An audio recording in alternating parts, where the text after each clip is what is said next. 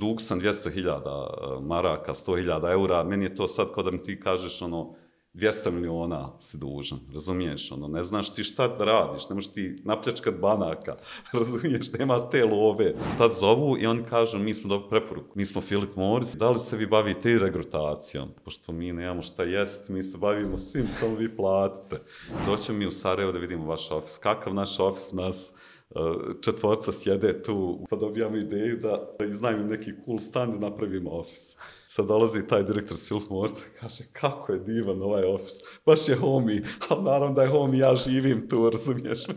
Nisi ti poduzetnik ako imaš jednog klijenta ti su stvari radnik za tog jednog klijenta i opet ovisi šta jedan klijent ako nazove i kaže da nema više love, što se meni desi. Iskreno da ti kažem, znači kad sam vratio taj dug, kad sam se izvučio iz te situacije, ja imam ambicije užasno velike, razumijem, ali ja mislim da milijarda ne može učiniti sretnim kao tad kad sam došao na nulu.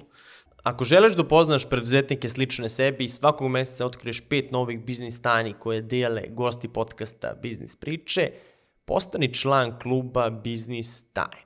Na sajtu biznistajne.com ukuce kupom biznis i ostvaruješ 20% popusta na prvi mesec. Ovu epizodu podržuje projekat Srbija inovira pokrenut od strane ICT Huba uz podršku USAID-a koji je posvećen jačanju ekonomije uz pomoć inovativnih rešenja za oblasti privrede sa najvećim razvojnim potencijalom.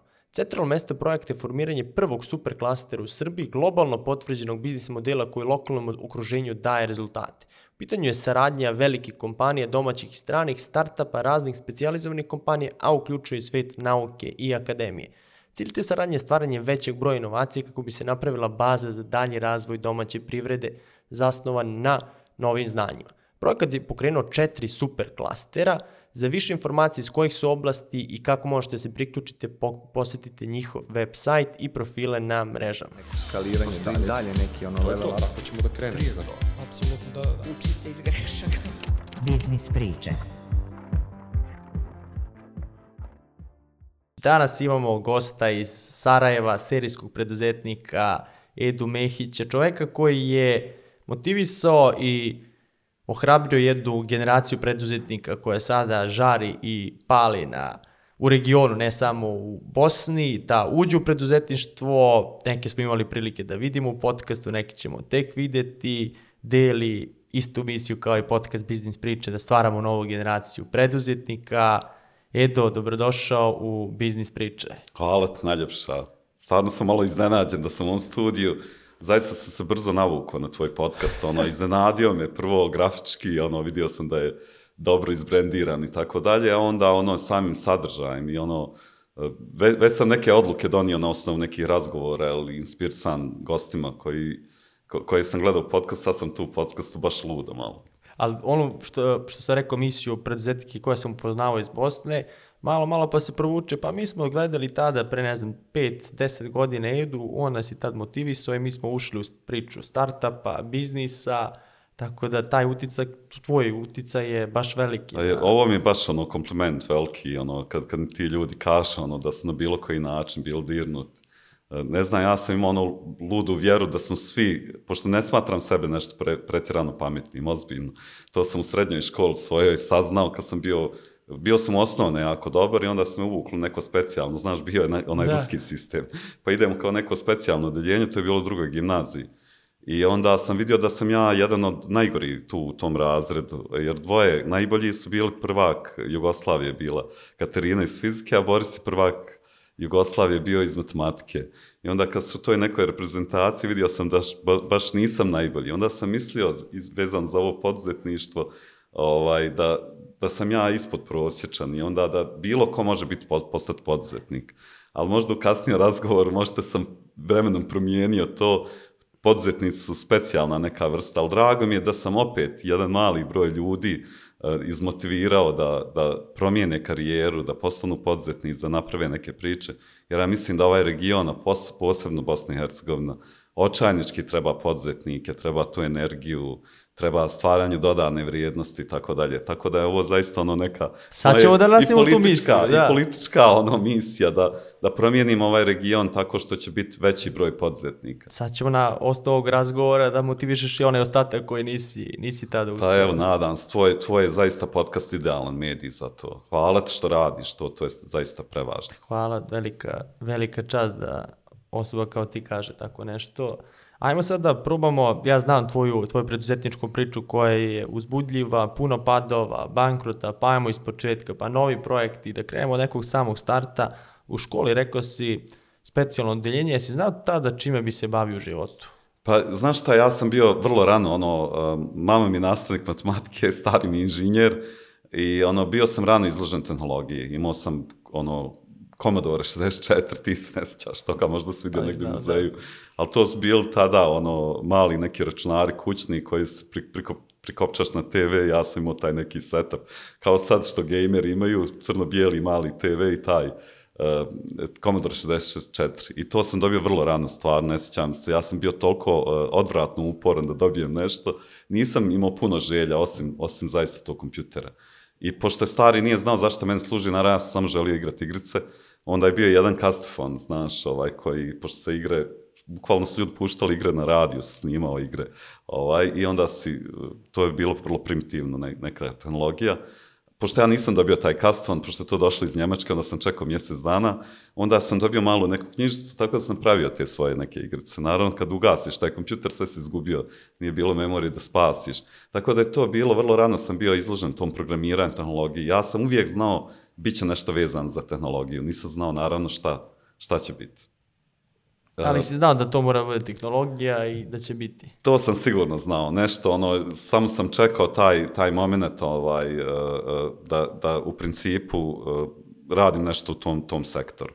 Mo- možda još jedan važan moment, desio se, nevjerovatno zvuči, ali tokom rata, uh, mi smo dobili neku donaciju, ovaj, deset računara spojeni na mreži, bili smo spojeni na neki internet uh, service provider u Amsterdamu. Sad to zvuči suludo, totalno, Uh, možda i zbog toga što je baš bilo te okolnosti, pa sam ja bio potpuno ono oduvan ovaj, s tom činjenicom da, da sam konektovan sa svijetom. I onda 95. je to bilo... Ovaj, Ja sam se rodio Ti tad. se rodio tad. Eto, ja sam bio na internetu, stvari, ja sam bio opet, da, da kažem, ja sam znao nekako u raju gdje sam, da nisam baš glavni. Moji prijatelji su to spajali, ja sam bio neka vrsta kao konobara tu, to je bio prvi neki internet klub, možda na ovim prostorima, vjerovatno. I oni su rekli, mali, ti vodi računa o ovom mjestu, ovaj, kako zove, ne diraj ništa, e, ne daj da ovi s cigarama ulaze i to sve, ti si zadužen. Ja naravno nisam išao kući, ovaj, e, naravno internet je bio vrlo primitivan tada, ali bez obzira, već tada imao sadržaj. I onda, naravno, to me ono udarilo e, u glavu, znači bilo je to nešto će s tehnologijom, ja sam znao nešto će sa internetom. Naravno, razvoj interneta sad može zamisliti 95. do ne znam nija koje godine, ovaj, em, ja nisam nažalost znao kao Jeff Bezos, on je rekao ako nešto raste 1000% svake godine, to će biti nešto veliko, ja sam jednostavno bio zaljubljen i znao sam da će internet biti velika stvar. I, e, ali naravno morao sam čekati, umeđu vremenu sam pravio software za videoteke, ovaj, e, bio sam pod navodnicima kralj videoteka, ono, držao sam e, tamo videoteke, tad sam naučio nekim manfetlicima u smislu kad mi ne plati ovaj, imao sam tad subscription neki fee, znači videoteka je bila nešto, mjesto gdje iznajmište videokasete neke, ovaj, vidi se koliko sam star, tehnologija potpuno nestala. Uh, ali ono, ako bio broj user, ako dobro išao biznis, ja mi počeo neke male porukice slati u tom, sad ne radim to više, ali pošto sam, nisam baš imao povjerenje prema vlasnicima ti videoteka, tako da bi oni mene zvali, rekli, je, dobro, ajde, zvaćemo da ti platimo, želimo da ti platimo, želimo neki upgrade i tako dalje. Tako da mi to bio prvi neki ovaj uh, biznis, a u tom, pošto nas je bilo nekoliko tu fanatika koji nismo išli kući, jedan dan je ušao jedan asistent, rekao ti, ti, ti, hajde sa mnom. I on je nama odmah dao do znanja, ovaj, nemojte misliti da, da vas zovem zato što ste najpametniji, vi ste fanatici, meni trebaju takvi. Hajde da radimo i to je bio neki prvi, prvi softver koji ono, pokrivao čitav BH, bio kao neki popis imovine, generalno popis, onaj, UN je finansirao to, željeli su da znaju e, kako da e, rade rekonstrukciju zemlje, prioritete, oštećenosti, gdje ljudi žele da se vrate, pa da škole, bolnice i tako dalje. Tako da mi je to prvi pravi posao, onaj, e, osim tih mali, ali ja sam zaista ono, kako bih rekao, dijete socijalizma, kod mene se uvijek u kući ono pričalo ovaj, o parama, znaš, ja sam mislio mi će biti sretnija poruca ako budem imali više para. Možda bi bil, možda ne bi bil, to je sada relativna stvar, ali ja sam ono, osjetio dobre stvari socijalizma, ali one loše stvari, prazne prodavnice, nervoz roditelja, ostajanje bez posla i tako dalje. I onda sam znao, ono, čitav život ja ću biti poduzetnik, isto, ja ću na neki način brinuti o sebi. Ja ne volim ono da razumiješ ono nek, nek sistem. A si imao prilike da, da vidiš sad neke preduzetnike, neke uspešne ljude, opet u socijalizmu nije bilo ovakvih slabo prilika. iskreno, slabo iskreno, ali ono, radovao sam se tim nekim mogućnostima, onaj, nisam imao, nemam nik, ništa, ono, moji pra, pra djed mi je ono radio u nekoj, nekoj vrsti državne službe. Onda sam kasnije čuo da su moji neki pra, pra, pra bili trgovci, onaj, tako da možda ima taj neki gen žica neka za biznis, ali ono, mi smo izgubili tri, četiri generacije preduzetni, koji da. svi, ja mislim, na Balkanu, ono, uh, ljudi su radili ili u nekoj državnoj službi i tako dalje. Tako da ono vrlo malo sam bio izložen ono ljudima, ali sticaj okolnosti, rekao sam ti, nesigurnost, neizvjesnost, strat i tako dalje, naučilo me ono da haslam, da preživljavam. Ja sam zaista skakao na svaku loptu, znači ja sam ono, jednostavno gdje god bi bila nek, neki novac, gdje bi bila lova, ja bi šao to pokušao raditi. Naravno, kad sam radio nešto u tom digitalnom svijetu, već tada, recimo nekom tamo poduzetniku, drugom koji ima neku rad, napravio neku Excel tabelu i tako dalje, ono, ja sam bio spreman plat da radim takve poslove. I toliko sam bio zaljubljen u to, samo da mi da neku šansu, ono, jednostavno sam imao taj izgleda dobar mindset, ovaj, da za svaku priliku da budem zahvalan. I, i ja mislim da me to nekako ono, prati, pravo, pravo sam zahvalan za sve, evo, ovo, sad da sjedim s tobom i pričam, baš, baš uvijek imam taj osjećaj zahvalnosti. A gdje si prvi put udario, da kažem, glavom u zid, prvi projekat koji je propao? Pa evo da kažem, znači nastavljamo ovu priču da za tog uh, mog asistenta, on nas je okupio, uh, mi radimo za UN, za UN su tad samo radili ljudi, ono koji su uglavnom bili neki pomoćni staf, nisu bili inženjeri ili nisu imali prave ugovore i tako dalje. Oni kažu na jedno, a taj moj asistent, taj jedan najpametniji ljudi stvarno kojim sam ikad radio, inače je pravio za Energoinvest, sam je pravio, e to je ovo čudo Balkana, je pravio softver za istraž, uh, testiranje visokonaponskih prekidača, šta da kažem. Ta, ta tehnologija košta vjerovatno milione eura, on je sam to napravio. To je neka vrsta ono Tesli, ja zato vjerujem jako puno ovaj um, region da ima takvih genijalaca. I, o, ali on je bio lud, on je mrzio ljude. Ja sam bio jedini ono od tih ljudi i radio taj inženjerski posao koji se smio. I onda su oni rekli, mož, vi ne možete više raditi u n došla neka, ne, njihova neka revizija i tako dalje, morate osnovati firmu, ali mi insistiramo da ti vodiš firmu.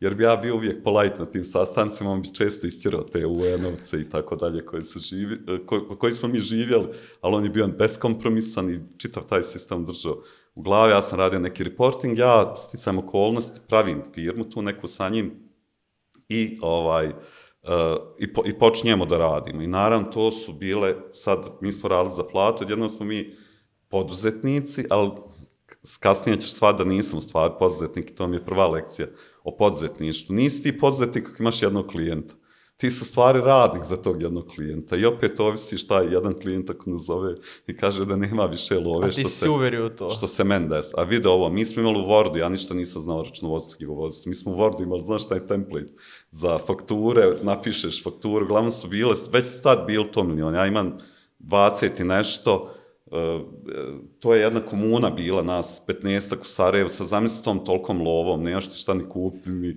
trošiti, mi smo bili glavni u gradu, Kraljev. kršimo pare i to sve, ja sam imao neku verziju opet tog socijalizma, da nije bitan profit, nego mi ćemo dijeliti tu lovu, koja god dođe, imamo neke plate, to će zauvijek trajati i tako dalje. Uh, ono, kupovali se laptop i živjelo se, to je kuća bila neka poluvila, da mogu reći, ovaj, koji smo mi iznajmili, tu se živjelo i radilo i ono... I žurke. Pa ono, Facebook movie, znaš. I, i sva, stalno žurke, stalno... Uh, jedina dobra stvar u svemu tome, ja ništa nisam štedio, naravno, što se uvijek do kraja, pošto je lova stalno stizala, ono, kad nas vidi direktor banke, odmah nas časti, njihovađa, svi da svole i tako dalje, jer zarađujemo ogromnu lov, nikom nije ni jasno otkud nama tolika lova. Mi kršimo, jedina dobra stvar što sam ja uvijek volio biznis, i onda kad bi neko od raje došao, onaj, rekao neku ideju, ja bih rekao, ok, hajmo baciti malo para za to. tako da smo imali firmu za servis, prodaj računara, jedan kafić koji ja nikad nisam skoro ni ušao, ono, na početku samo sam da, dao pare, ono, pomagao svoje prijatelje da, da pokrenu te neke biznise. I naravno dođe taj jedan dan poziv, dođe poziv i gdje kažu meni onaj, ja sam ono, ja mislim da sam Bill Gates, mislim da sam najpametniji na svijetu, imam sunčane naočale, stalno sam u Bermudama i tako dalje, ono, kao u papučama dolazim do te sastanke, oni kažu, žao mi neće se svidjeti tema ovog sastanka. I ja odmah ono neku uh, defanzivnu priču, znaš, kažem, daj, nemojte više biti bezobrazni, jer su oni smanjivali normalno, svake godine malo taj budžet. Nemojte biti bezobrazni, opet hoćete 10% da spustite. Ne, ne, Edo, ne shvataš, nećemo 10% da spustimo, hoćemo 90% da spustimo. Kakvi 90%? Znači 100% onoga posla da radim za 10%. Ja mislim da si ti ono razmažen lik, ono, ja, mi mislimo da u Sarajevu ima sigurno 20 već firmi koje čekaju ovdje u redu. Tako da mi, ono, zbog toga što sve ovo ti radio, dajemo ti šansu.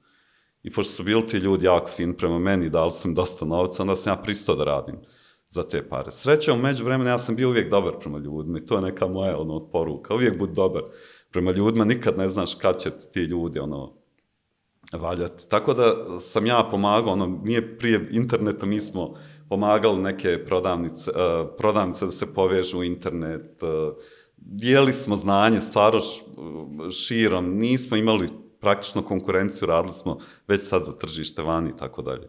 Tako da sam ja rekao, ok, nema ništa više od ovoga, idemo mi uh, tražiti poslove, idemo se mi prijavljivati na, uh, prijavljivati na druge firme, konkurse i tako da je, tendere tako zvane.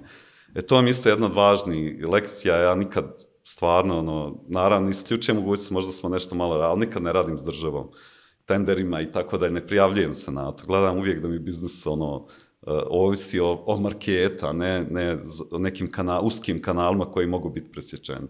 Mi se prijavljamo na neke tendere, dobijamo neke tendere, ja i dalje držim, nas je bilo oko 15 zaista vrhunskih stručnjaka. I ono što je meni bilo vrlo teško, nije meni to bila lova, meni je bio, ja uvijek imam taj uh, rokerski neki mentalitet, da držim tu raju oko sebe. Ja sam rekao, naći nama posla, ajte vi idemo sve, kao da se ništa nije desilo. Ne govorim ja da nema love, da, da to sve curi, ja ne volim dijeliti loše vijesti i tako dalje. Uh, ja kažem, vi samo nastavite rad, ja ću nabacivati poslove. Naravno, ja nabacijem neke poslove, Ja sam tad tvrdio da nema korupcije, bilo gdje, ovaj, jer smo mi dobijali te tendere i stvarno ti dobiješ... Tenderi državni ili za, državni, za firme? javna preduzeća, tako je, on čitaju tebe, ti dobiješ stvarno. Međutim, ti se ne možeš naplatiti, ja to tad nisam ni znao da se tad vjerovatno daje neka love ili šta god, razumije, ali ne mogu ja naplatiti, kasnije sam ja to naplatio, ali firma i dalje jako dobro posluje, dobijamo velike poslove, ali ja se ne mogu naplatiti. Na najteži način učim šta je cash flow, naravno, idu, uh, ide lova. A vi živite ovaj. još u vili? Mi živimo u vili, mi živimo kao da se ništa ne dešava. Ne mijenja se lifestyle, ne mijenja se ništa. Uh, I najsmješnija stvar, najgora stvar koja mi se desila, pošto smo mi radili sa UN-om i tako dalje, onda bi ne, ne malo kasno nekad fakture i tako dalje, ali sam imao vrlo jak ugovor. Uh, mi smo pobijeli nekom tom međunarodnom tada tenderu. Uh, I naravno onda su vješti bankari mene obilazili i rekli, e, što ti ne bi imao neki revolving kredit? Ovaj, na, mi vidimo da tamo nekad imaš malo cash flow issue, ali pošto mi kršimo pare i pošto nema takvih puno klijenata, oni meni daju neki revolving kredit. I ja počinjem, naravno, ja sam ih trebao obavijest da im se prekida ugovor ili mijenja ugovor uh, sa UN-om, ali ja nisam njih obavijestio, ja sam kršio to, uh, misleći dobi, dobijaću, dobijam ove poslove, ovaj, uh, kad se naplatim pa ćemo mi to sve riješiti, znaš, ono, pre, previše uh, optimistično sve to gledao i onda se dešava problem da me ovi ne plaćaju.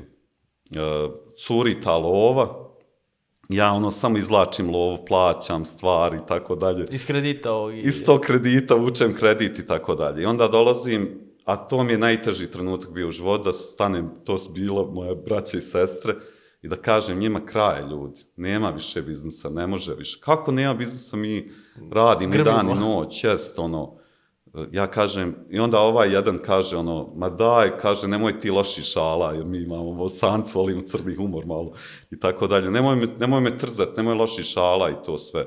Ne, ne, ljudi, kraj. Ja nemam više, ja ne mogu, onaj, ja ne mogu, ja sam izvukao sve što sam mogao izvući. Znači, to, to je tada ono praktično postaje pakao moj život, onaj.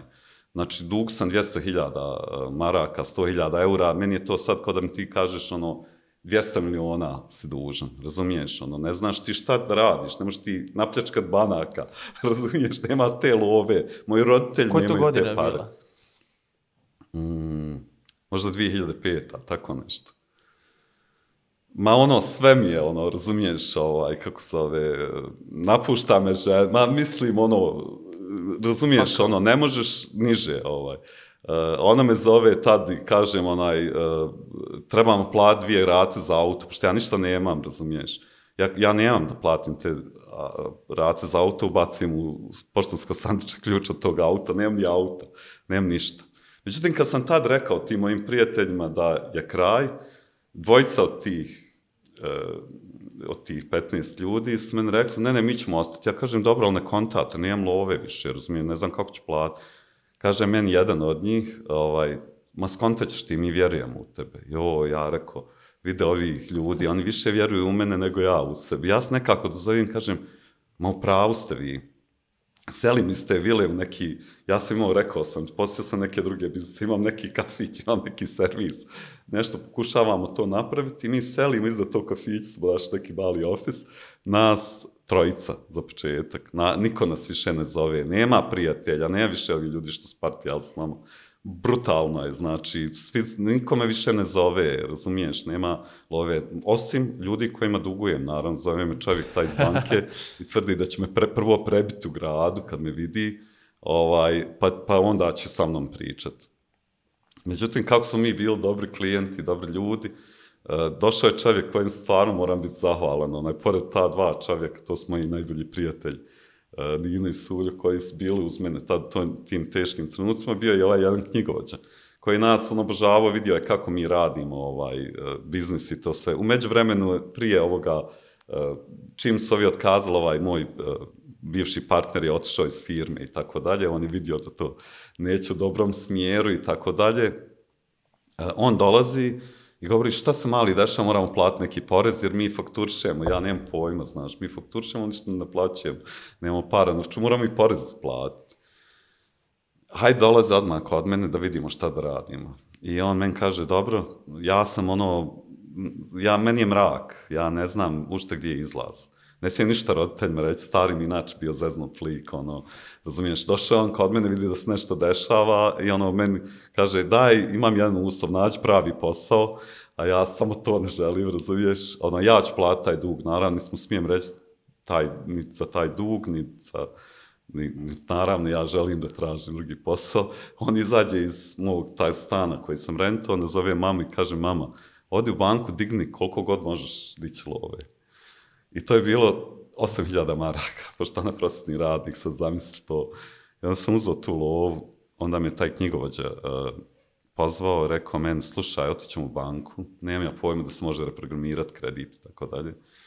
On, odemo do tog uh, bankara, on kaže, slušaj, ja garantujem za ovog malog, on je dobar, ovo je kriza trenutna, snaći se, on, mene sve to loži dodatno, uzao sam mamine pare, gdje ja mogu nazad, znači spalio sam sve ovaj, mostove, ja samo mogu izaći iz, iz, iz samo razumiješ nekako eksplodirati, napraviti pare, skontati i tako dalje. Ali on mi je dao neko rješenje, on rekao, slušaj, uh, ako ga sad blokiraš, ovaj ti je blokirati sve naše račune i to sve, ti ćeš izgubiti pare. Naravno, nije uzo kolateral, on je uh, želio, znaš, vidio je to prošlo poslovanje i tako dalje. I onda je on rekao, slušaj, za svaku, svake dvije marke koje padnu na račun, jedna je tvoja, ja ću voditi račun o tome, ja preuzmam ovo sad vođenje financija i tako dalje, a on će se snaći, ja vjerujem u njega, on će naći, napravit pare. I to je ono užas, kažem ti. Međutim, tad sam ono, znaš, svaki uspjeh isto malo vuče sa svom, radite, razlači, vamo tamo, ti neš pojma ni kosi, pogotovo tako dijete. neko koje udarle pare, razumiješ, ti se izgubiš sam u tome. Onda sam ja jednom dobio neko vrijeme za sebe. A rekao sam ti da sam ja uvijek znao da će nešto na internetu raditi. To je bilo ono na fakultetu kad smo mi bili pri kraju, ovaj, kako zove tu bilo šprnja, ono, pitaju šta ćete vi raditi, on kaže, ne znam, u osiguranju tada je bilo glavno. Onda neko drugi kaže, ja ću banci, onda je došao do mene, ja kažem, ja ću na internet. I čitava se ono sala smije. Znaš, kakav internet, ono. A ovaj drugi je bio poslije mene još luđe, on je rekao, ja ću se jedom. Ne znam, ja sam imao uvjerenje da će to biti big deal. Onda sam ja napravio nekoliko web stranica, naravno svi znaju za tu tad posao ba stranicu, ovaj, ja sam napravio niz nekih stranica, ja sam čitao jedan intervju, je bio neki vice president Orakla, koji je, ono, isto pokušavaju, uvijek imam tu neku, moram imati neku veću ideju zašto radim. A on je rekao, ako želite uh, popularizirati internet, već da, to je ta 2000 neka, ovaj, trebate napraviti ljudima servise. I, I mi smo tad pravili ovaj, neke servise, razno razne, ali možda je zanimljivo isto da kažem, sad sam otišao skroz, ovaj, kako posao ba je e, ovaj, nastao. Ok, taj knjigovođa na, malo nas stabilizira, um, ja, ja počinjem se opet ono imati vremena, znaš, i za klijente, obilaziti ljude i sve. Ja kontam, vidi, ja ti si totalna propast, ono, znaš, ono, ja, moje sam pouznanje uništeno. I šta sad da radim? Ali ja sam rekao, ono, šta ja znam, ja uvijek volim pomagati ljudima, ono, to mi je bila neka, neki taj moj trait, ličnost, razumiješ? Otiću sad, bilo ću firme, neću ništa prodavati. Pričat ću s ljudima, pitat ću, ono, kako ti mogu pomoći. I onda sam obilazio dosta firmi, jer sam, prvo sam loše prodavao, bio sam loš prodavač, iskreno da kažem, mislim da je to jedna od najvažnijih e, vještina koje poduzetnik treba da ima, to je vještina te prodaje ja bi ono otvorio, pričao softveru, ovo ono, ljude to ne zanima, pogotovo u Bosni, znaš. Ljude ne zanima nikakva, to mi zovemo ono šuplja priča, razumiješ, manve se proizvoda. Hoće da mi objasniš kako to direktno pomaže mom poslovanju, kako da ja zaradim više para i tako dalje, kako da uštedim i to sve. I onda sam ja skonto, a vidi ovo, ja ne znam te tehnike prodaje, otišao sam na neki par kurseva prodaje, onda sam skonto, ode ja pomagat ljudima, što god, ono, ne, ne šta je onako raditi obilazit neke firme koje sam pomagao njima uh, prije i tako dalje, imao neka poznanstva i to sve.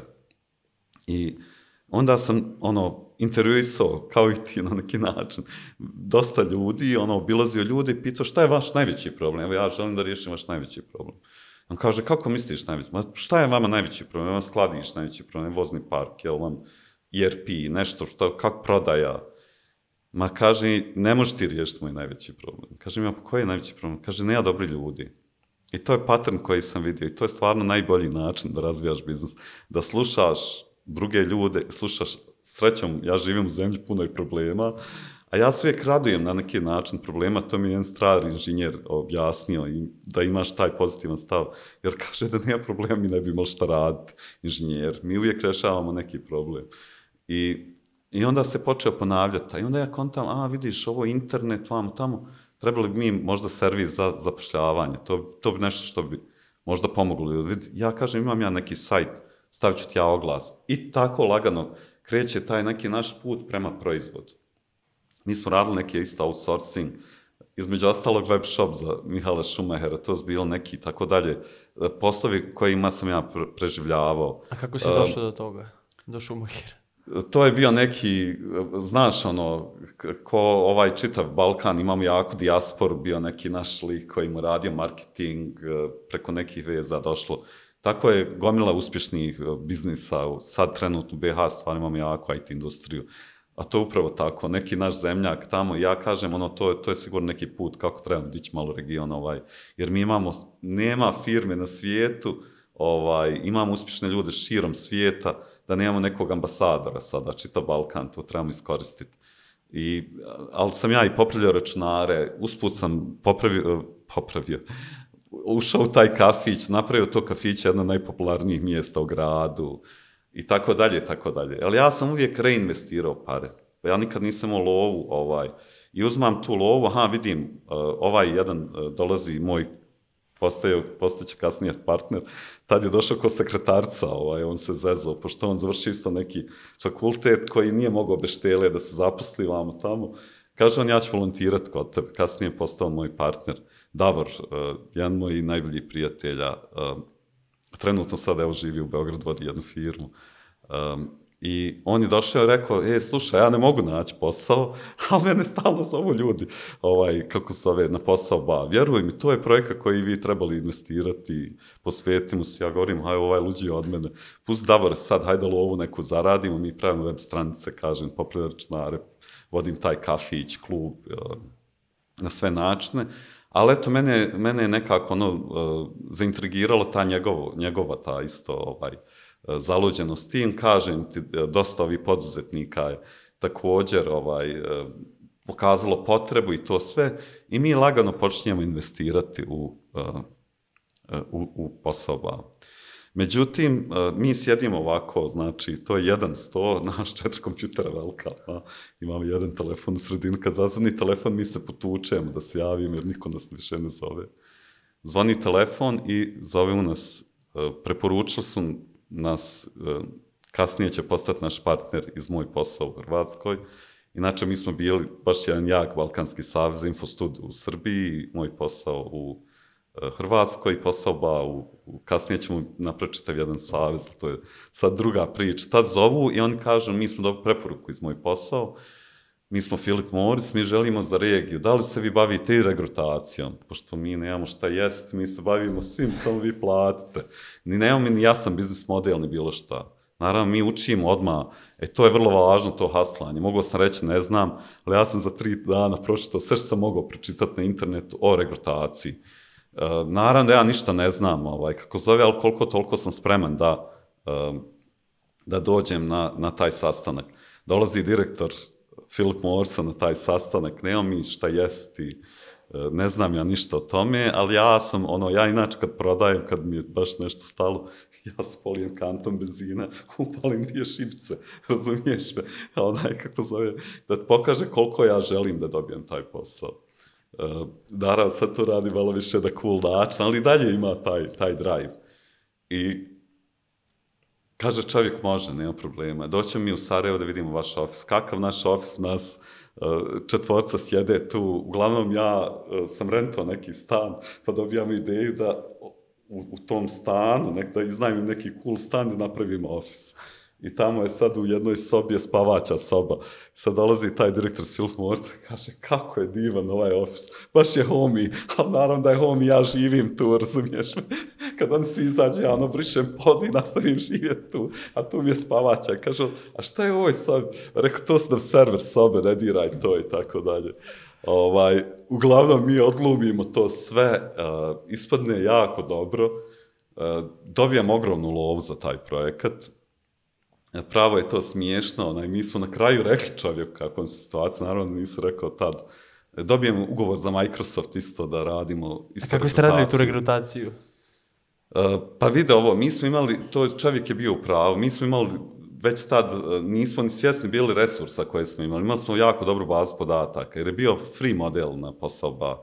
Znači, firme su počele same koristiti oglasa, su objavljivali, a mi smo imali jako veliku bazu.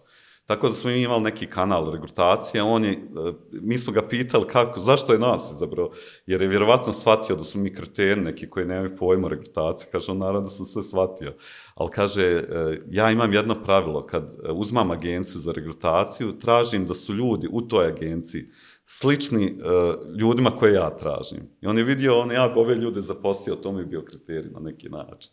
I pošto on vidio našu tu volju, želju i tako dalje. Kad imaš tako snažnu želju, ti ćeš se snaći. Naravno, onda mi, nam je on dao trening, tako da ta firma zaista ono preko noći e, postala neki centar, da tako kažem, rekrutment industrije. E, onda smo dobili opet neke druge klijente, kaže, rekao sam Microsoft, pa Coca-Cola i tako dalje. I najsmiješnije sad dolazi neka lova, ta velika lova koja vraća taj dug, da, da sad ne preciziram i to sve i onda me zove knjigovođe, kaže meni, jao, šta se ovo dešava, pošto u Švicarskoj, e, znaš, vjerovatno zbog koji razloga, prebacio pare da račun. Kaže, nekakav Filip Morris je prebacio pare, šta ćemo sad da radimo, moram, kažem ja, pa kako, ko je prebacio, kakav Filip Morris, ne znam ja nikoga. Kaže on, ma, moramo zvati Sipu, ono, znaš, da prijavimo to, vraćam mi te pare, nemoj stidiš se, jer onda mi ja kažem, ma nije čovječ, to su naše pare, to je firme. On nikad ne psuje, opsovo mi je rekao, mali, ubiću te, šta sad da radim? Rekao, zatvori račun u onoj banci i završi s tim, vrati onaj dug. Iskreno da ti kažem, znači kad sam vratio taj dug, kad sam se izvukao iz te situacije, ja imam ambicije užasno velike, razumijem, ali ja mislim da milijarda ne može učiniti sretnim kao tad kad sam došao na nulu. Tako da ljudi ovaj, nek, nek, koji imaju neki biznis koji nije u minusu, su sretni ljudi, ovaj, kako zove, biti toliko u minusu i biti u bez, bezizlaznoj situaciji i vratiti se na nulu, to je neko ono, moje zadovoljstvo, ono, ne, ne, ne znam kako da, da, da te opišem, to mi je ono trenutak, vrhunac moje karijere, nije nažalost neki uspjes. Kasnije će ići uspjesi, kasnije ćemo mi iz, kad počeli smo se povezivati malo u regionu, uh, onda je uh, prva investicija bila moj posao, uh, Daily Mail, britanski i tako dalje.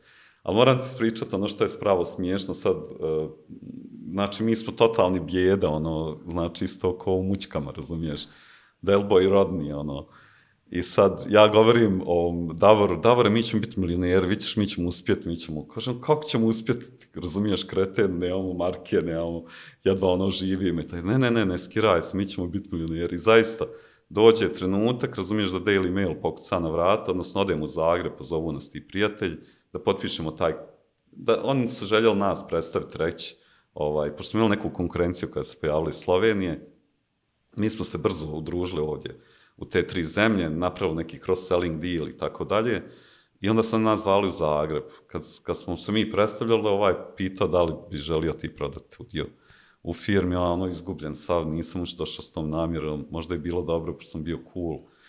Um, i onaj, prodamo jedan dio i onda dobijemo zaista pare i onda Davor, Nino i ja se nađemo u Londonu sa zamisli s tom lovom nekom, sad više ne samo da nismo gladni, nek smo dobili prvu tu lovu neku koja je omogućila dalje širenje. Izvini, ja sam pun digresija, odoh sad da, ovaj, pun, puno, puno sam ti priča ispričao, ali to je taj neki, zaista moj možda najveći milestone. Jeste lepo proslavili. Hu, zamisli to, e, mi u Londonu sjedimo na nekom trotoaru, znam da smo išli iz kluba u klub, I onda govorim njemu, e, čoče, vid mi u Londonu, ono. A sjećam se, baš mi je bilo, to mi je bio jedan najmizerniji, najtužniji trenutaka.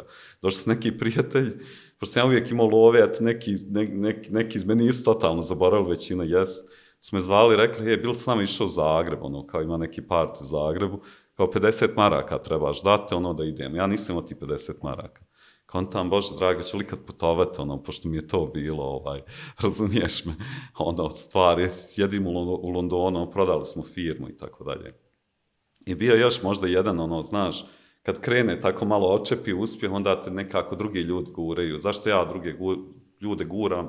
Zašto su mene neke riječi zaista promijenile, ono, I onda kad smo bili na tom nekom partiju tamo u Englesku, onda je zvao jedan od uh, tih direktora, rekao, aj, hoću da pričam s tobom. I ja sam izgubio. Mi smo bili uh, 400 ti sajt u koji su oni investirali. Znam, 400 uh, razni biznismena, biznisa i tako da. I onda ja sam malo izgubio, ono, kaže on meni, da, da, tebe hoću da upoznam. I ovo rekao, hvala vam, ali ja sam najmanji biznis ovdje, imate puno veće biznismene od mene. I on meni kaže, ne, ne, ja hoću baš s tobom da pričam. Jer znaš zašto? Kaže, ja ne gledam koliko si napravio, gdje si napravio to što si napravio. I onda je to neki baš ono, razumiješ, ono, ne znam, tako da stvarno skidam kap bilo kome na ovim prostorima, jer ovdje je ono, vrlo teško biti poduzetnik, ono, ne samo da nije društvo za tebe, nisi roditelj prvi, možda i zato što, evo, ja sam sad roditelj, ovaj, kako se znam koja je cijena na neki način uspjeha, pa možda misliš da nije dobar put da dijete ide tim odrcanjem i svim tim stvarima. Tako da ono zaista cijenim svakog poduzetnika, znam da iza svakog nekog uspjeha zaista teška neka priča ili neko je možda i lakši, nešto, neko je možda inteligentniji od mene. Onaj, ali ja zaista dok nisam ono prevrnuo svaki kamen, ja sam napravio ta des, desetke web stranica, ko što sad raje probava digitalni marketing, tako da ja sam uvijek nešto eksperimentisao, uvijek probavao, uvijek višak love uvaljivao u druge biznise, jer nikad ne znaš kad će taj stati ili izdati te i tako da. A od tih drugih biznisa u koje si ulagao, gdje nisi bio direktno uključen, gdje si bio sam investitor, kako su oni napredovali? Pa, uh, uh, onda jedno vrijeme zaista sam imao fokus na da izgradim posao, ba. I, i zaista je to bilo ono, uh, od, od, od, od tog skoro bankrota do, do ono, multimilion dolar biznisa. Ono. Napravili smo jedan hibridni model, pošto BH je vrlo malo tržište, mi smo pored oglašavanja, to je možda zanimljivo, ono, ja sam čitao jedan intervju, ono, Jeff Bezosa, tad, kod dijete, onaj, kad su ga pitali, ono, kako uspjeti u e-biznis, ne znam je li bio Forbes i nešto, on rekao šta će vam to e, ja, moj biznis, kao i svaki drugi biznis, ja umjesto izloga ovaj, knjižare imam sam web sajt, ali imam sve druge probleme uh, koje ima bilo koji drugi biznis. I onda sam ja počeo malo, počeo mijenjati uh, logiku. Aha, znači nije ovo samo i biznis ljudi mi se sami jave, to je ono što možda zamjeram ovim uh, poduzetnicima trenutno, onaj, Mlađim. Kako, mlađim, da misle samo napraviš online, mislim naravno, sad je, su milioni ljudi više, na, mi smo svi na telefonima i tako dalje.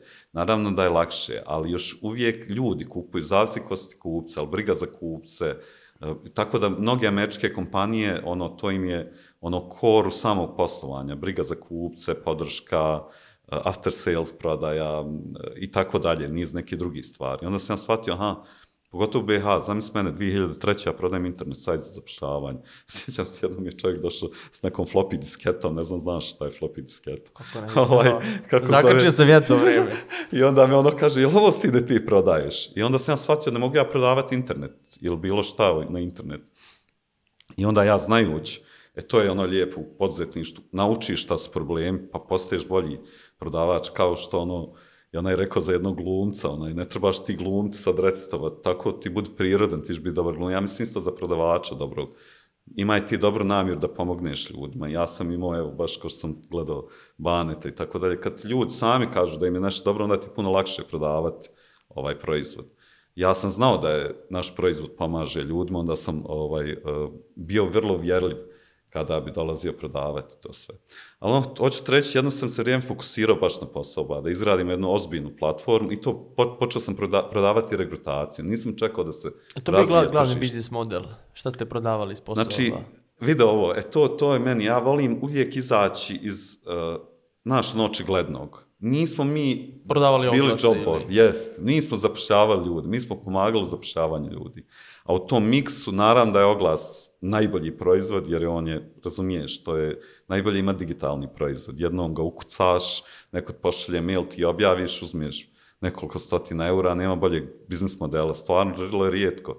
I to je toliko dobar biznis model, toliko sam ubao, to dobro da evo vidiš sad LinkedIn, bez obzira što je besplatna baza, ali haj ti sad nađi ljudi, dalje se vraća malo na, na oglase, razumiješ? Oglas je, je jedan taj od, od izuma. Ali ja sam ljudima pravio rješenja.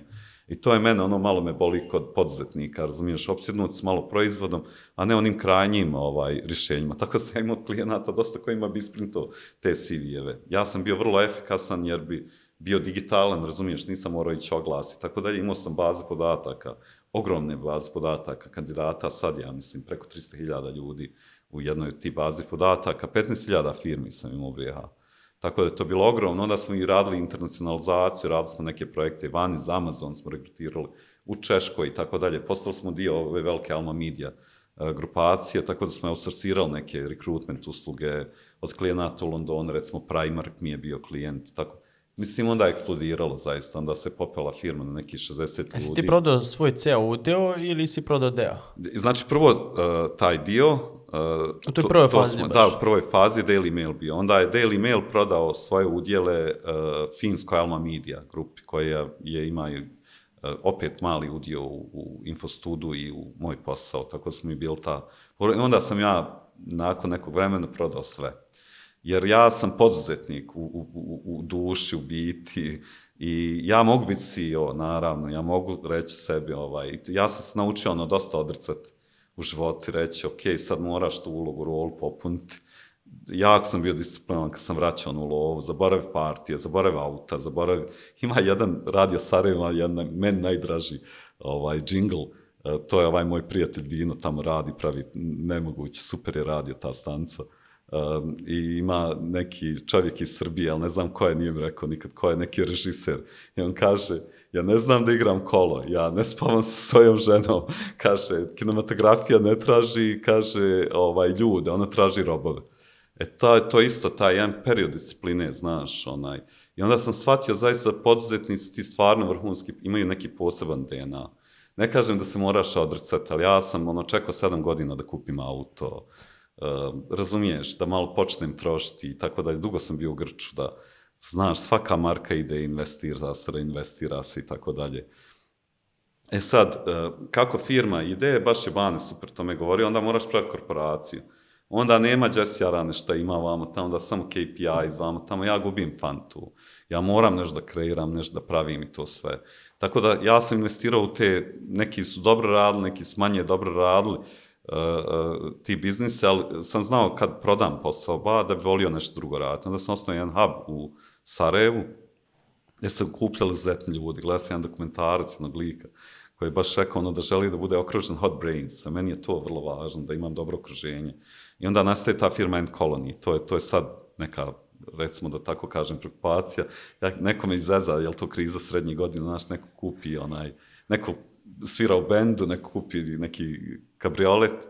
Ja sam ponovo napravio ono što sam pričao na početku, ono neku s tim prijateljima, mojom braćom, partnerima, Zajednicu. Ismirom i Hanijem, osnovao sam End Colony, i vidiš sam naziv, ono dosta govori, nije samo zbog nazva algoritma, ovaj, kako zove, koji je vrlo popularan, nego e, zbog toga što želimo napraviti koloniju mrava gdje dijelimo mravi s vrlo složni, e, složan tim i želimo napraviti stvarno jedan jedinstven e, biznis model gdje će naš zaposlenic biti naš partner i tako dalje.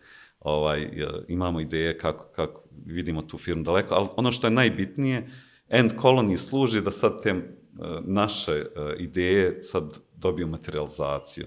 Jedna od tih ideja, to je sa svojim poslani životnim partnerima i idom sam napravio novu firmu, Zing se zove, to je e-commerce za bebe, tražim partner u regionu, ovaj, ima jako puno dobrih firmi kojim se već javljaju i tako dalje.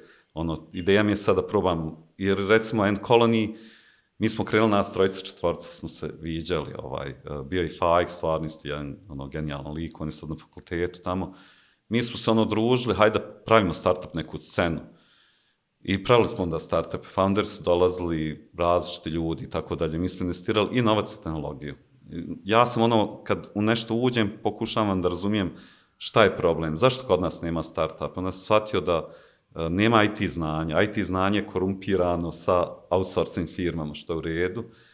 Žao mi je što outsourcing firme, makar dijelić mali, ne bacaju, vidiš, ko ja što uvijek nekako bacam, ne, ne govore sad da je dobar, oni outsourcing firme su multi, multi bilnion biznis, oni su pametniji možda o tome, ali ja volim uvijek baciti jedan dio para u inovaciju, neki startup. I onda smo mi radili startupe za mlade foundere, ja sam to malo finansirao na početku, da smo shvatili, vidiš, ovo ćemo sam brnati jer je povrat vrlo uh, spor, znaš, zato ljudi odu outsourcing, jer je povrat na proizvod, trebaju godine, godine, godine, tako sam ja posao ba pravio. Kupio Pariz kafiće za ovoga iz onoga, nosio Davor. A ovo odmah, usluga, prodaješ sate, naplata. Jest.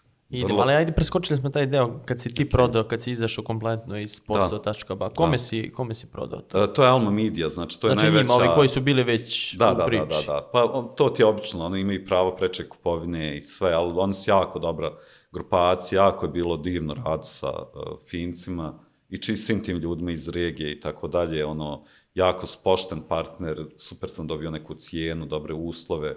Naravno, zbilo, Jesi ti izašao sa tim znači. predlogom, ej, ja hoću da izađem, hoću da prodam? Pa, pa ono, bilo je tu i tamo, znaš, oni uvijek, naravno, njihov cilj, ako već sam uh, prodao 30%, znali su da će jednog dana biti taj full exit, znaš. Ono, uh, znaš kako je, 99% kompanija uh, u Evropi ne završi na IPO, nego se proda nekim većim kompanijama. To je još, kod nas još uvijek malo bauk, znaš, ali ja sam sigurno svjedok, ja već i u Sarajevu sa nekim drugim industrijama. Industrije imaju uh, ambiciju da okrupne. Znate, mi smo mali ono region da, da, da, da mogli biti važan neki faktor, tako da, ovaj, mada Infostud jako kako, veliki. Kako izgleda ta saradnja sa Banetom Infostudom? Ma, predobro, stvarno, ja sam oduševljen njima, to su ljudi, onaj, uh, Bane, Brane i Stefan, stvarno posebni ljudi, onaj, prvo nesebično to dijeljenje znanja, to je ono, zato sam tebi zahvalan što imaš ovu emisiju gdje mi ne samo kao ugrožena grupa, ovi poduzetnici se skupljamo, nego učimo. Jer nema, nema akademije za ovaj job boards. I onda oni su jako isto agilni, dosta stvari su probali. Mislim, ovdje su izgradili imperiju, baš sam sretan. Zbog toga, uh, super je stvar što možemo isto zajedno, nadam se, sada širiti poslove u region, to bio možda dobar model da budemo jako region, da idemo isto vani, uh, jako je dobro, ne znam, vidio sam Infobip ili neke druge kompanije kad pogode proizvod, imamo Sarajevo Zira se zove isto kompanija, jedna za telekome pravi aplikacije. Ja sam ono čovjek koji bi volio da napravimo komad svog proizvoda, bilo šta, da budemo dobri u nečemu i da... Da ne izvozimo to- samo radne Jest. sate i usluge. Jes, ali recimo, eto, Infostudio je dobar primjer, ono, šta može nekoliko programera napraviti takvu neku uh, uh, imperiju. Dobra stvar je što je stvarno dijeljenje znanja bilo neograničeno, što su se brzo povezali. Uh, Bili smo kontra svega ovoga što znaš, ono, politike, ono, mi smo bili, hajmo, ono, vrlo pragmatični, podržavali smo druge, sigurno su on dio isto mog nekog rasta, ovaj, koji sam ostvario. A to tržište rada u kom si ti bio, a, u kom smjeru ide danas? Koliko godina je prošlo od kad si ti izašao i u ko, koji trendove sad vidiš na tom tržištu? Oglasa, zapošljavanja. Da, da. Vidimo da je nezaposlenost generalno u svetu niska, da se teže dolazi do radnika kvalifikovanih, nekvalifikovanih, bukvalno za sve poslove. Od ovih što, od dostavljača hrane pa do IT-evaca. Da, da. Sve je jednako teško naći. Znaš šta je absurd najveći? U BiH tad je bilo po oficijalno neko statistici 50% nezaposleni. Sad ti bi ono rekao, ono, znaš, ne treba tu što moje usluge. Međutim, i tad je bilo teško naći dobre ljude. Znaš, biznisi ne traže sve ljude. Biznisi traže ono vrh piramide. I, i, I zato je taj biznis ono vrlo, kako bi rekao, onaj, lukrativan. I, I sve se kompanije tuku, znači na jednom dijelu tržišta radi, imaš gomilu nezaposleni ljudi. To je stvarno zvuči čudno, ono, koji su vrlo teško dolaze do posla. S druge strane, imaš drugo tržište rada, znači postoje dva, to je paradoksalno, gdje se tuku ljudi za kadrove, razumiješ, pa organiziraju branding eh, i poslodavca, recimo, ne znam, vidio se Google vrlo malo se reklamira, ali ako se reklamira, onda reklamira onaj bilijar, uslove rada, svoje ofise i tako dalje, ono to je indirektni marketing. Jer uh, u svijetu postoji rad za talent. I ja sam stvarno uvjeren, ono, to je neke stvari koje ja čitam, volim i tako dalje. Naš je taj progres natjerati da budemo bolji ljudi. Sigurno, ovaj, kako zove. Po svim statistikama svijet je bolje mjesto, to, to možemo kasnije malo o tome pričati, kako ja odakle crpim taj optimizam. A poslodavci praktično se bore da, e, za najbolji talent, za najbolje ljude. Naravno, ne bez razloga. Recimo, mogu ti uh, dati jedan mali primjer. Od, uh, to je Tom Peters, jedan od mojih heroja, isto rekao. Kaže, između dobrog i prosječnog, između, hajmo reći, lošeg prosječnog radnika je 100%, između prosječnog i onog najboljeg još 100%. Kaže, bez ulaganja u, u mašine, u tehnologiju i tako dalje, samo izborom najboljih ljudi vi možete naprijediti svoju kompaniju za 100%. Uh, i, I zaista, ono, ja sam sretan što sam na neki način dio te regionalne scene rekrutmenta, HR-a, iako ja ušte to nisam poukac, kažem, ti vratio sam se opet u tek i sve, ali sam doprinio tome i onda smo napravili, zaista sam htio uh, također reducirati svoj market, e, to je ono što mene malo nervira, ljudi stanu kod svog proizvoda, oni dig... ne, ja želim da bude više, ja želim, što je rekao ovaj moj partner u Slovačkoj, kad, je, kad smo prodavali firme, uh, kad je Alma Media kupovala, on je rekao, vi ne kupujete job board u Slovačkoj, vi kupujete job market. E to smo mi, mi smo bukvalno izdominirali ono infostudija, ja isto mislim da je ovdje, ili, ili negdje drugo, mi smo izdominirali ovim uh, tržištem rada, mi praktično imamo nekog malog monopolista, možda sad to nije popularno reći, ali sad sam izašao, pa baš briga. Ali onaj, uh, to je vrlo jako tržište, znaš, i, i firme su spremne dati bogatstvo da bi došli do vrhunskih ljudi. I skoro mi je sreo jedan ovaj moj prijatelj, kad smo mi, kao ja naša bila, ja mislim da je vrlo važno to rekrutacija tih ljudi. Ovaj, sad nemam neku direktnu korist od toga, ali moram to naglasiti. I, i on, on je rekao, meni je Davor jednom ispričao koja je bila tvoja filozofija zapošljavanja, ja sam i zaboravio to. On je rekao, kaže, mi u firmi nećemo dovoditi šupke. To je bila naša kao teorija da imamo stvarno neku dobru raju oko sebe. I, I ono, ja isto mislim to, ima jedno istraživanje. Kasnije nađem sve te neke stvari, ljudi, prirodno intuicijom zaključiš ili empirizmom nekim, ali kasnije ljudi dođu sa pravim studijima. Recimo, vještine i znanja utiču samo malo na to, na tvoj uspjeh karijere. Stav utiče 80%. Znači, u tom trouglu vještina i, i znanja stav je najvažniji. Znači, ljudi ako imaju dobar stav, stvarno, neko je to davno rekao, zaposli zbog stava, a ne zbog znanja, pa istreniraj to znanje. Onaj. Ljudi su zaista, ja mislim, vrlo važni da ja sad ne bi bio ovaj neskroman ovdje, stvarno, ovo, iza svega ovoga su ljudi. I ono, moj recept poduzetništva, ja volim tu praviti neku, možda tu ima malo i bosanskog tog, da pravim dobru atmosferu, da je ljudima dobro oko mene, da su ljudi sretni, da, i onda idu, idu u biznis, idu ideje, ljudi haslaju, okrenut ćemo svaki kamen, naćemo, naćemo način. Tako da ja mislim taj rekrutment je vrlo važan i kultura unutar kompanije je važna. Ali može to sad da se primjeni, to što kažeš, ok, okupljamo dobre, dobre ljude, atmosfera, da se napravi ceo taj a, miks, da se primjeni na, na korporacijama gdje imamo neki umreženi stav da je sve strogo, da nema lufta za takve stvari, za druženje, da je i od komunikacije, iako kompanije kažu nama su ljudi na prvom mjestu, međutim to se uklopi u tu neku kompanijsku kulturu i nema mesta za takve stvari Da. odstupanja. Pa slažem se, to, to mi je baš čudno, onaj, zato što ja mislim da definitivno ima mjesta. Na kraju kraja ja sam vrlo gladan, rekao sam da sam ja ratno dijete, ja ću uvijek biti malo gladan, u smislu da volim prav pare i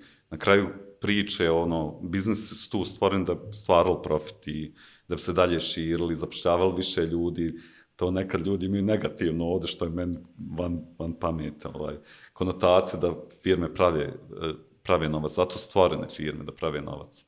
Ili kad kažu, recimo, market je nemilosrdan, nije market je jedna od najboljih invencija koje je ljudska vrsta napravila, to je da selektira uh, efikasno od neefikasno. Naravno, nisam ja sad totalno ludi onaj market, free market freak, neke stvari kao što je zdravstvo, školstvo, mislim da market ne može regulirati, tako da sam ja više evro, evropski neko. Koje, ali naravno market uh, dosta pomaže uh, biznisima.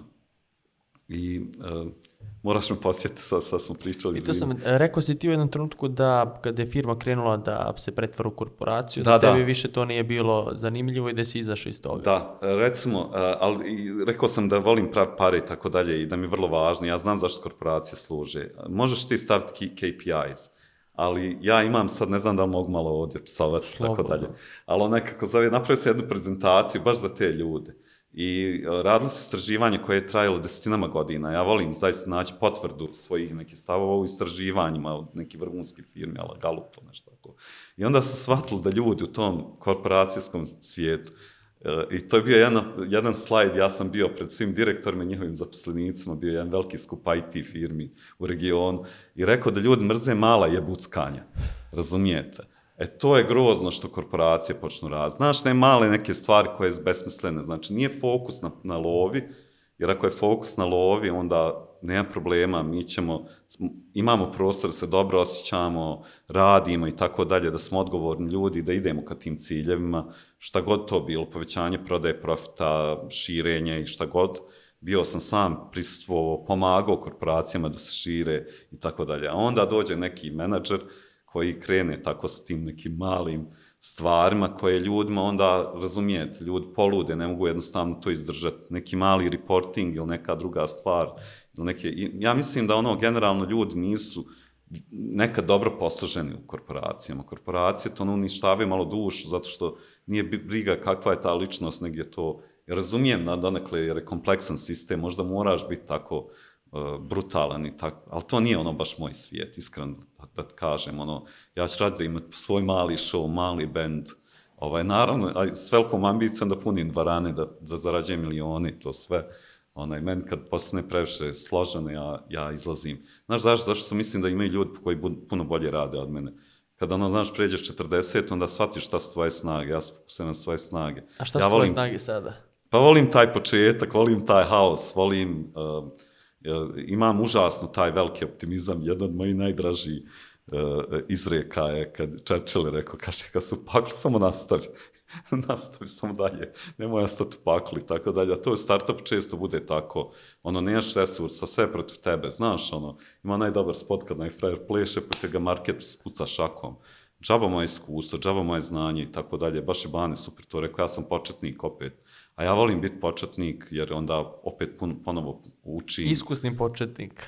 Jest, i ono, znaš šta je dobra stvar, malo sam sad naravno promijenio, pa malo i planinarim, vodim računa zdrav, to, to su neke stvari koje je promijenio. Prije nisam ništa, samo sam, ono, nisam, mislim, ja sam možda imao izgovore, ono, sam sam, bio sam non stop u glavi, stalno sam mislio o tim, kako napraviti pare, kako ovo, ono, nisam baš bio prisut, sad sam puno prisutniji, ali onda mi je jedan planinar rekao, zašto on planinari, on kaže, nije istina da se mi ne bojimo planinara, ali mi malo osjetimo strah i onda se osjetimo živim.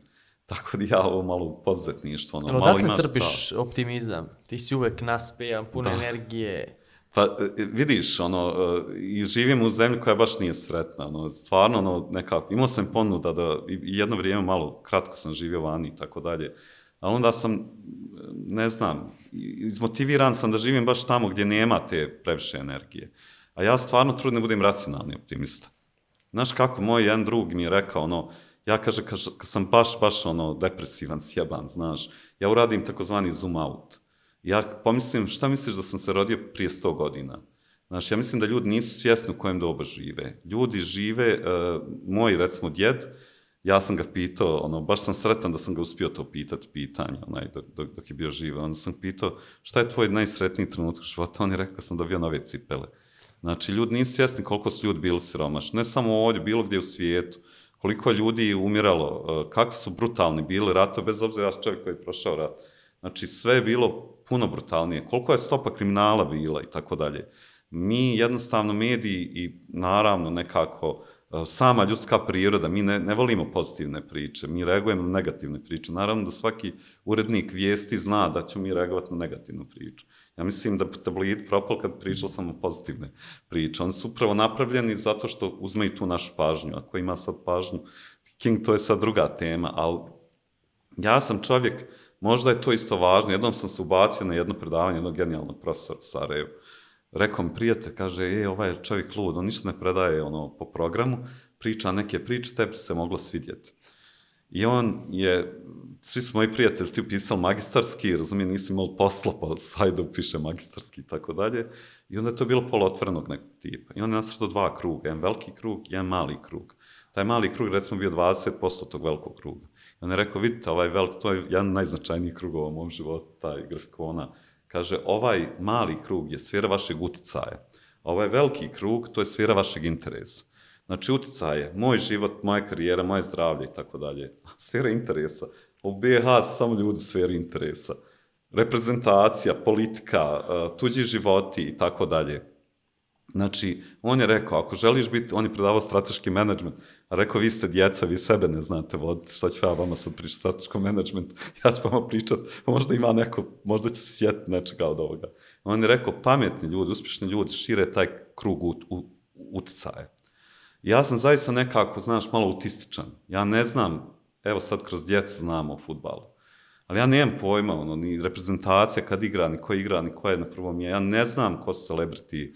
Znam, nekad sam pozvan na večere, pa ni- nije zato što sam bezobrazan, ono, ili nepristojan. Pitam čim se baviš, da se ljudi smiju, neko je neka Influencer. zvijezda, influencer. Pa ne znam, ono, im, ima ljudi, ono, stva, ali cijenim svakoga, zaista nije lako biti influencer, nije lako biti, ne, ne, ne, ne podištavam to, ali ja ne znam za te ljude. Ja, ja, ono, pošto ovdje gleda puno mladih poduzetnika ovo, nemaš vremena za, uh, za, za, za, za tuđe živote, nemaš vremena za, za, za te stvari. Naravno, uživa, nemoj biti totalno autističan, ko što sam ja morao biti sticajem okolnosti, uvijek malo, ali probaj okrenuti taj krug, da 20% bude tuđe živote, a da 80% bude na što uh, imaš uticaj. I ja mislim da isto dosta odrcanja traži bilo, ka, bilo kakav uspjeh, razumiješ, ono, znaš za sportiste koliko treniraju, ovdje traži da čitaš, da istražuješ, da misliš, i ako želiš ovdje ostati, ono, isto ko neki MMA borac, moraš se malo, ono, pripremati uvijek, moraš ustati ujutro kad je teško, kad se ne da, kad je dosadno, a, a uvijek dođe biznis, znaš, nije uvijek honeymoon faza. To pravi razliku. Da. A Da, prodao, da. si, prodao si biznis, ušao u lovu i jesi razmišljao šta ću ja dalje da radim, šta ću s tim novcem da radim, da li da, Da. vila, žurke ponovo Da. ili sad si malo iskusniji, godine su tu, Naravno. kako si razmišljao? Pa znaš šta, meni e, možda čudno zvuče, govorio sam to, noganio sam uvijek lovi, tako da meni je najvažnija bila ta sloboda. Možda i to što mi je malo stari bio strogi to sve, ja sam ono znao da je svoj bit gazda. Meni je lova jednako sloboda. Sve dok ja imam slobodu da mogu, ne znam, evo sad, sad s tobom se družiti, razgovarati odlučiti šta ću ja danas raditi, to mi je jako važno, to, to mi je novac kupuje. A, a, a jednostavno pravljenje biznisa, i, znaš, ja sam našao svoj medij, ja sam bio okružen prijateljima, sve oni su umjetnici, to sve, ja nisam se našao u umjetnosti, ono, ali, ali ovo je moja ono, umjetnost, ovo je moj medij neki, kako ja, ono, možda sad stvarno zvuči bizarno nekim ljudima, reće, aj bolan, praviš biznis, ni, nisi, nisi sada, ali, ali ovo je neka moja umjetnost, ono, ja, ja volim da, iz, znači, ono, dio novca, naravno, pokušat ću omogućiti sebi što bolji život, ali, ali sigurno ću veliki dio novca reinvestirati dalje, da, da igram tu igru. E, si imao već tada ideje u šta ćeš investirati? Pa, uh, End Colony je dijelom dio toga. Znao sam da ću izaći, uh, počeo sam se okupljati s tim, uh, kako bi ja rekao, stvarno posebnim ljudima, pametnim ljudima. Uh, I sad je zanimljivo, ono, recimo šta End Colony radi, mi pravimo dalje startupe, mi smo startup studio, naravno te startupe pravimo i u San Francisku, i u Berlinu, i u Londonu. Evo recimo ja sad upravo pomažem nekom startup kojim smo razvili, pomažem oko MVP-a da rezamo pare ovaj, Tako da, ono, baš sam u tom sad svijetu, na nekom globalnom širenju, zainteresiran za startupe, recimo, u regiji, u Srbiji, ako imaju ljudi, ako im treba neka pomoć da, da im se razvije, recimo, to nedostaje, to sam ti ono počeo pričat.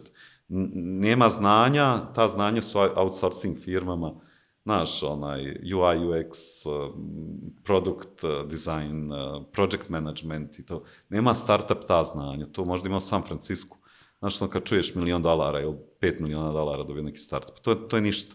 To je ti 5-6 ljudi koji ti trebaju da taj uh, startup ugleda svjetlo dana. Tako da ja sam siguran da će ostati nekako tom startup svijetu, blizu tih poduzetnika, pomaga drugim poduzetnicima da krenu. Um, ono što, što, znaš gdje sam dosta izgriješio, gdje sam, to, to je ono naš balkanski fazon, hajmo uložiti milion da dobijemo dva.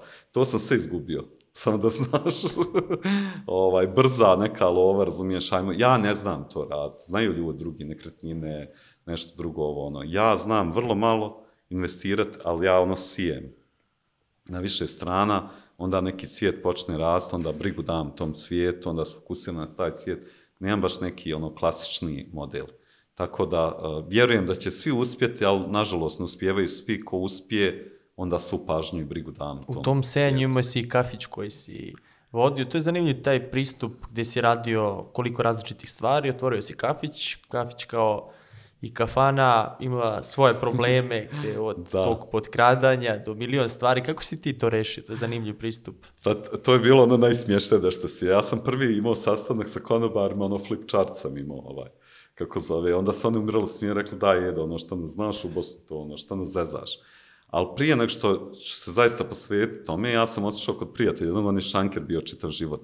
I imao sam intervju sa njim. Onda sam njega pitao ono, kako ja mogu napraviti sistem da ne krade se? On kaže, ne može on, ja ću ukrasti, neću ja ušte biti svjestan, ja ću ukrasti danas 10, 20, 30 maraka. Ne, nesvjesno ću ukrasti. A ja stvarno želim da ukradem, ali jedno nađem višak neke love kod sebe. Zaboravio otkucat, zaboravio, znaš te se sad fazone. Onaj, uh, uh, Kaže on, to ne možeš riješiti. Šta je vama kao u gost, ovaj, ljudima koji rade u ovoj industriji najvažnije? Kaže, znaš šta, svi mi konobar sanjamo da jednog dana budemo gazde. Ok, dobro, hvala. Sljedeći moj sastanak imam flip chart i kaže, uh, neće biti krađe ovome. I onda se svi smijemo, svi se smijemo. A ja ću napraviti sistem da neće biti krađe. Zato što smo mi svi gazde. Sad ću vam napraviti sistem ove pare, to je za robu, to ne dirajte, ne smijete to dirati. Ove pare idu državi, to je porezi i sve drugo. Ovo je mali moj, uh, ovo je sve naše, a ovdje je samo mali moj dio. Mi ćemo dijeliti svi zajedno. Radit ćemo obračune, radit ćemo kafić, sve će biti transparentno i tako dalje. Svi ćete imati veliku lovu, bonuse i tako. I naravno da se ljudi smijali. Međutim, uh, napravio se sistem da ne znam, je gledao kazino sa ovim, kako se zove, Robert De Niro. Ovaj kontrolše ovoga, ovaj kontrolše ovoga, ovaj kontrolše, ja kontrolšem sviju.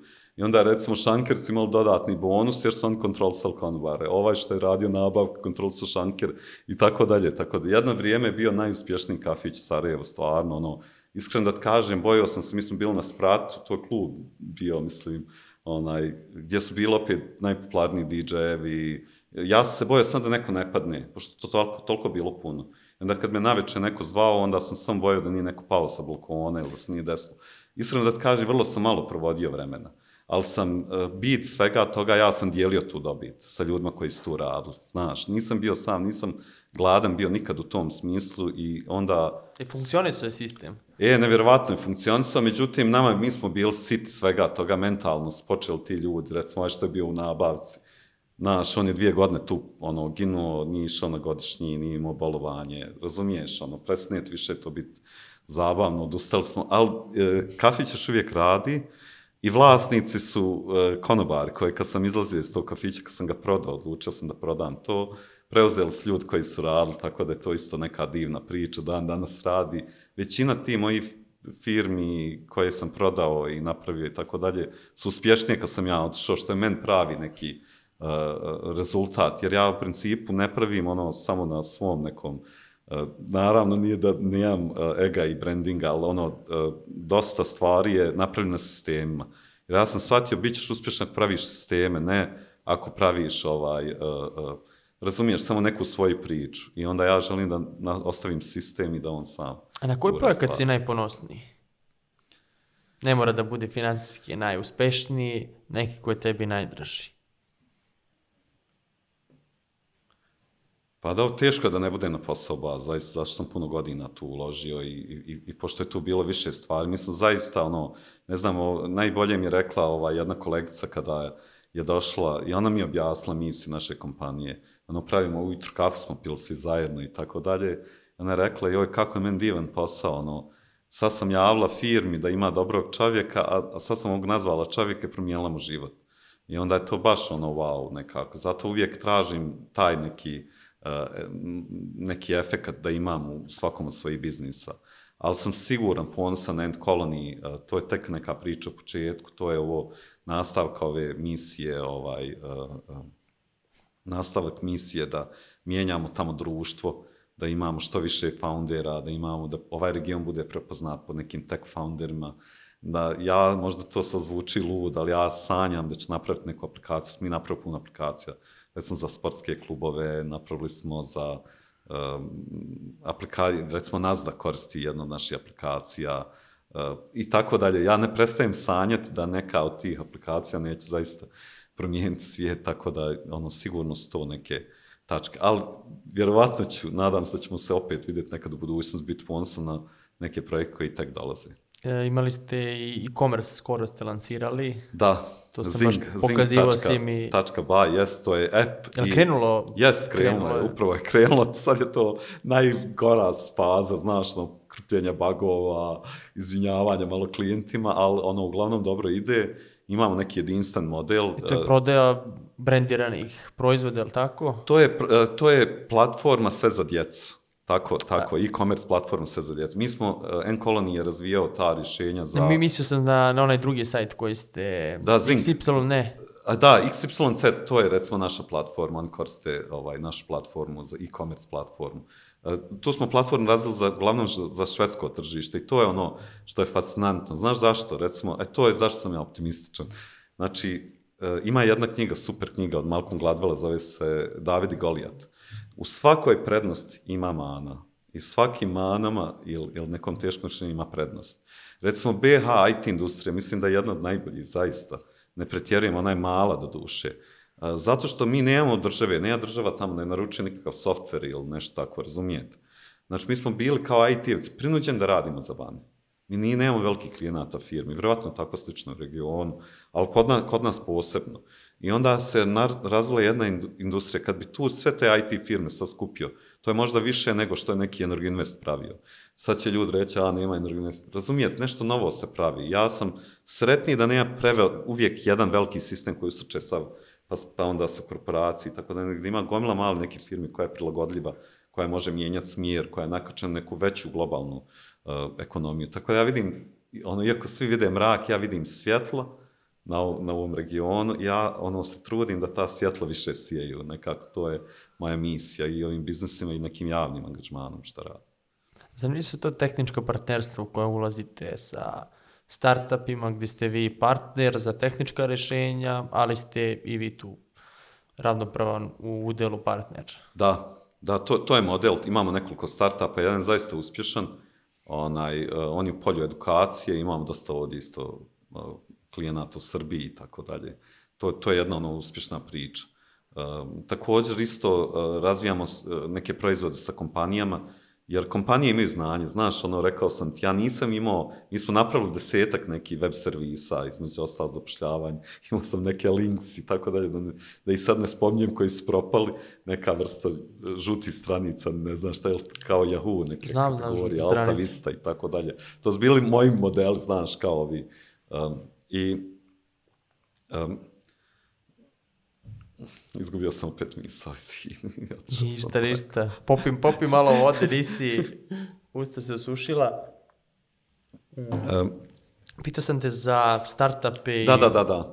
E, Radimo i sa kompanijama, jer kompanije imaju ono, kako su meni ljudi u posao ba su mi rekli, nama su problem ljudi, nama su problem ljudi, nama su problem. Kompanije znaju, vaši kupci znaju, pošto u Bosni svako kuka, tamo uvijek ima ideja ovaj, šta je ljudima teško, šta. I, i po meni je vrlo jednostavno, ono, uh, znam sad zvuči lud, težak je put do toga, ali odlučite o idejama. Recimo, ideja bi trebala nešto što je sporo napraviti brzo, nešto što je teško napraviti lagano. Um, razumiješ, ima neki mo- modus, ono, ljudi se stalno žale, ljudi stalno pričaju šta im je problem, ne mogu naći ovo ili ono. Ovo je malo drugačiji miks kako smo napravili Zing, mi smo imali neko tehnološko rješenje koje se koristilo po Skandinaviji naj, najčešće, ali u e-commerce ulazimo, to je tržište koje je urađena je analiza, mame su jako dobar kupac, ovaj, one ludo troše i puno im treba i tako dalje, zato se kladimo na recimo mlade majke, ovaj, ka kasnije vjerovatno neku širu grupu žena. A gde e-commerce, evo sad u Bosni, imaš iskustva i sa Srbijom, Pa na, na samom početku. Isto kao što je, ono, zvuči možda suludo, to bi trebalo biti neki standard, ali isto kao onaj val neki za internet što sam ti pričao, ono. E, međutim, naravno, sad je puno lakše, ovaj, i znaš kako još, ono, ideja urađeno neko istraživanje, stvarno studiozno rađeno. Ali ono što sam ja vidio, mene ljudi zovu, nekad me zovu komšije da im poprim mobitel. Znači, sve sa tehnologijom, ja sam neki simbol, ali, ali najčešće s internetom. I onda me zove jedan prijatelj i on je napravio neki online shop. I onda me nakon toga zove kaže, he, a možeš li, ono, ali ne mogu mi ove radnice, sve što mi rade u radnji, sad raditi i, jer moram zaposliti ljudi. Ja sam njemu rekao, naravno da moraš, to je čitava neka nova firma. E vidim priliku da sve te male radnje, sad u nekoj niši, vidim isto priliku u nekoj niš, uzmeš niš, ne, i ti si imao sjajnog gosta koji je recimo ono e-commerce sa oružje i tako dalje, to je jedan dobar primjer. A možeš naći neku nišu i možeš pomoći nekim, ako su mali igrači, recimo u tom baby sektoru, stvarno mali igrač, razviđenost, nema ni jednog velikog igrača koji će raditi dobro marketing, do kraja uz svu logistiku i tako dalje. E, ja pokušavam da im tu pomognem, odnosno čitav taj tim, ovaj, pomaže oko, oko toga da, eh, da im riješim ta logistička, marketinška i sva druga pitanja.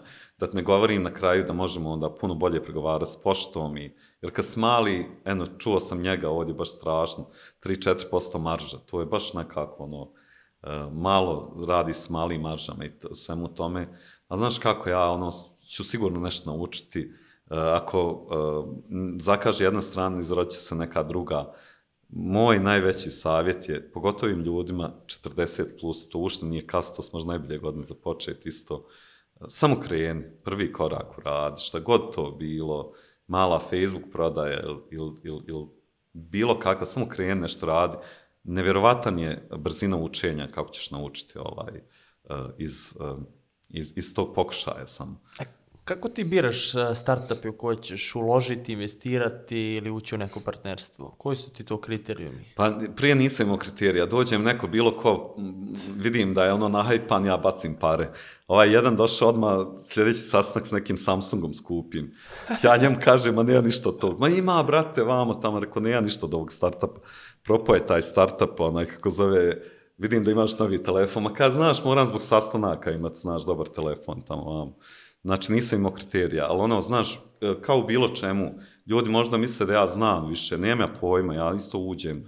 I onda tako izgrešiš po ti 10.000 maraka, bacaš, bacaš, onaj, e, dok onda malo ne shvatiš šta je ozbiljnije, onda počnem ipak gledat, je, haj, da, li- da li bi ti, što je rekao ovaj jedan moj prijatelj koji je jako dobar investitor, kaže, znaš, imaš one familije i budale, znaš, da investiraju Da. prvi. Kaže, ja nisam budala, nađi budalu, pa dođi kod mene. Znaš, malo podižeš taj prag, kažeš ljudima, ok, hajde, napravite neki prototip, bez mene, bez da vam bacam odmah lovu. Uh, hajde uh, s ovom idejom, odite, evo ja ću zakazati kod klijenta, ovaj, prvo nek oni poslušaju, nek se oni komitaju i tako dalje. Sad sam, podigao sam malo standarde, onaj, Znači nema više bacanja na hype. ma ja, ono, dođu ljudi, ja bacim pare i tako dalje. Mislim, mogu opet nekad baciti što volim čovjeka, ali, ali mislim, više ne radim to, nemam, nije, to nije ono ozbiljno investiranje, sad malo ozbiljnije investiram, mislim, znaš koji je, koji je bio proces kad sam ja prodavao firmu, revizija, šta je bilo, šta su ljudi pregledali, šta sam, koliko sam se ja morao komitati, koje sam ja ciljeve morao ispuniti da bi se desila prodaja kompanije. Znači, to je ono vrlo, vrlo jedan ozbiljan, užasno težak proces. A ono, ljudi olako malo shvate, ono, da baci, vjerojatno gledaju San Francisco, ali u San Francisco on je već bio u Google, radio je tamo, zna da ima veze, i onda baciš, ovaj, kako zove, i njima A to ulaganje u ljudi, Da. E, izvini. e, ulaganje u ljude, rekao Da. si, bio je u Google, ti znaš Jest. koga ulažeš, on je Tako već je. nešto ostvario i ako to propade, napravit nešto drugo. Tako je, ono, uglavnom, uglavnom je na ljude. Ja, ja mislim da je to najbolji način. Ako sad preporučio nekom da investira, uglavnom i ljude. Uh, ja se sjećam kad sam dobio te prve pare od ovoga i onda sam otišao advokatom, sam izgubljen, ono, uplaćeno su mi pare na račun. Ja kažem onom advokatu, je čovječ, ovi su platili mene ove pare. Mene, ja nisam ni znao da se to na račun pa ja ništa ne znam o tome, razumiješ? Gledao na filmovima akvizicije, neke čitao po magazinima. I rekao, čovječe, ono, full rizik je ono na njima. Kaže, on zna Medo, ali on vjeruju da ćeš ti vrat puta, ne znam ni ja x. I zaista sam sretan da sam vratio tim ljudima, ono, više od 30, ne znam nija koliko puta, tu investiciju koju su investirali u mene. To je cilj, znači, onaj, da svi zajedno na kraju naveliko zaradimo. I onda, ono, ja sam nekako vodim s tim svojim stavom. Ako nađem pravog čovjeka, on će naći načina da ja zaradim tu.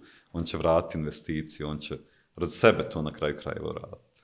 Spomenuo si malo pre knjigu David i Golijat, šta voliš da čitaš, koje su knjige tebi promenile? Pa ne znam, volim, volim neke, vidiš, ja uvijek imam malo tog filozofskog u sebi, ono, volim imati neku filozofiju, onda kad neko potvrdi to, wow, budem.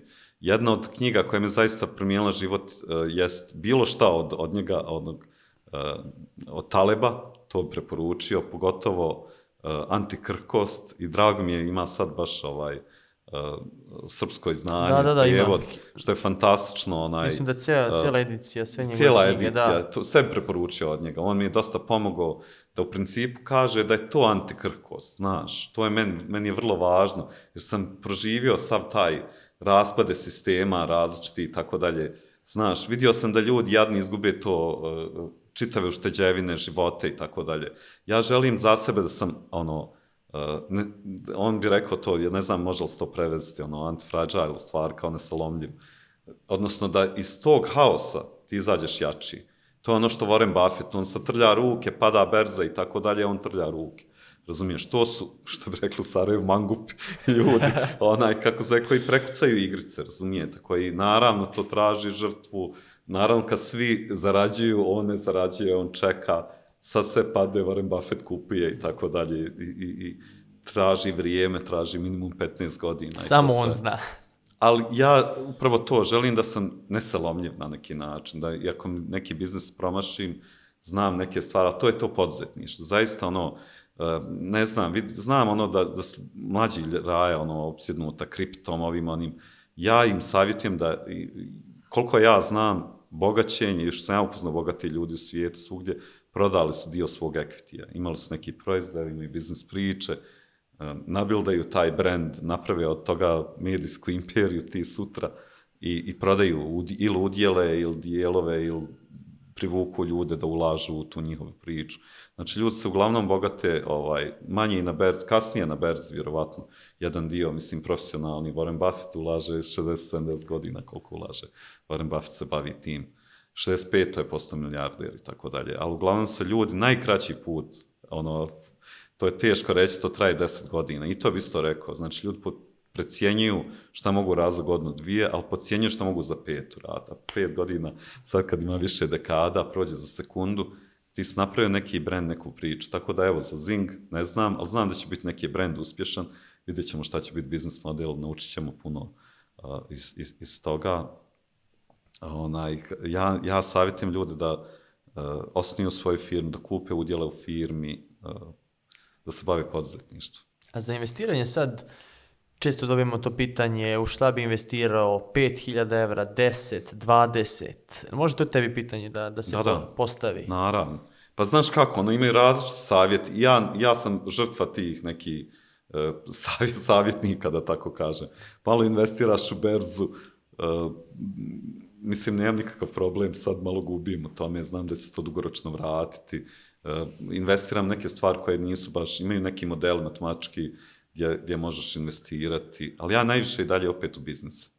Ja vratim u biznise, nekako tu imam kontrolu, rekao sam sa ovaj nesalomljivost. Možda još jednu knjigu da preporučim, kad sam govorio o perspektivi, uh -huh. uh, uh, Matt Ridley, um, kako se zove? Aha, aha, racionalni optimista, naravno se zove ta knjiga. Jer to je moja odbrana ovoga. Ja sam glavnom iracionalni optimista, ja uvijek gledam da je čaša. Uh, zato, zato ja na kraju krajeva uvijek nađem neko svjetlo.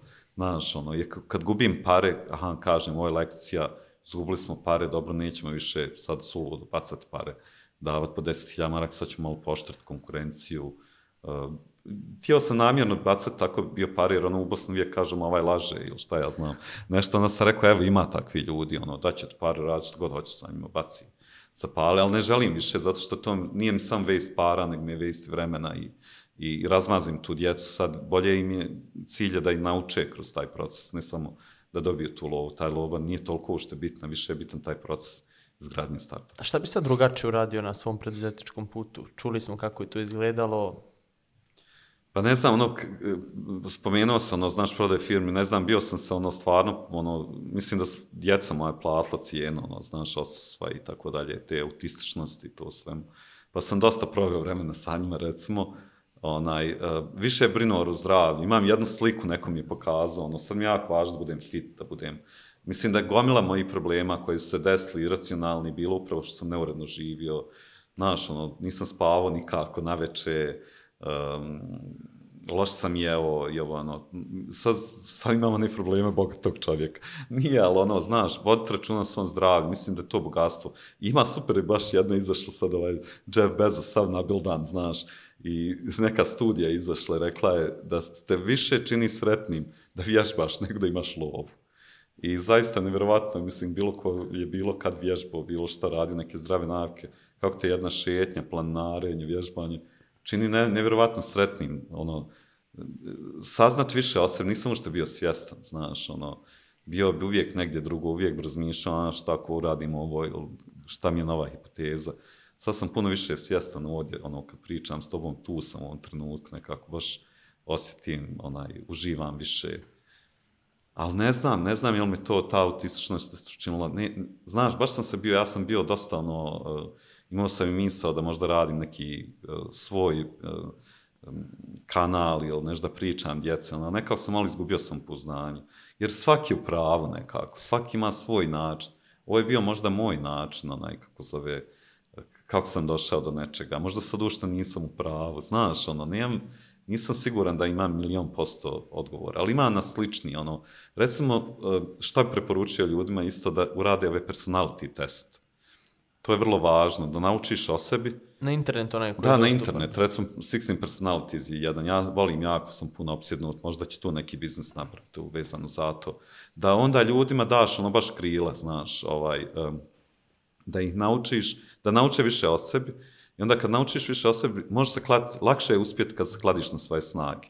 Šta će ja koji sam, recimo, prodavač ili ne znam, ja neko drugi, sada sam tamo u nekom kancelariji, to je ovo korporacija neka te ubi tamo. Ne, ne, nemoj praviti od tog čovjeka nešto, on nije neki kancelarijski čovjek. A ima ljudi koji obožavaju biti u back office-u, gledati Excel čitav dan i tako dalje. Tako da ja mislim da ono dobro da, volio bi da sam više znao o sebi, zaista svoj prirod. Recimo, ja sam introvertan, možda sad ne čini ovdje, sam ubio pričom, onaj, ali sam recimo saznao da sam, ja se punim čitajući te knjige, o, da, da budem malo sam i tako dalje. Onda sam prije, ono, znaš, ne vidim se ljudima, radim, onda kompenziram to. Naučio sam da ostavljam neke slotove vremena za sebe i tako dalje. Naravno, sad je teže uspjeti sa svim tim luksuzom, da zdravo jedeš, hodaš, čitaš, brineš o sebi i vam uspjeh, jer ono traži manijačko odrcanje, ali to je moj novi zadatak, da probam biti izbalansiran, što prije sam mrzio tu riječ, ali evo, to, to je sad malo ovim godinama ipak želiš da... Ali opet je malo, malo lakše u smislu što danas imaš i koga da pitaš, ima koji da te posavetuje. Mnogo bolja situacija nego kada si ti kretao, nisi imao koga da pitaš od preduzetnika, nisi imao šta da pogledaš, da pročitaš, da poslušaš. Baš tako, jer recimo ono, uh, ako ima jedan hek, ne volim hekove jer i nije baš puno iskreno koji radi, ali jedan hek je mentor, ono, zaista. Recimo ovo što ti radiš, čitam, ja gledam ovoga čovjeka i ne samo to, negde sam čitao nekoj studiji, da ono čak i mentalne obrazce, znači ako slušam puno uh, VS ili Baneta, ili ne, počet ću malo i razmišljati kao oni.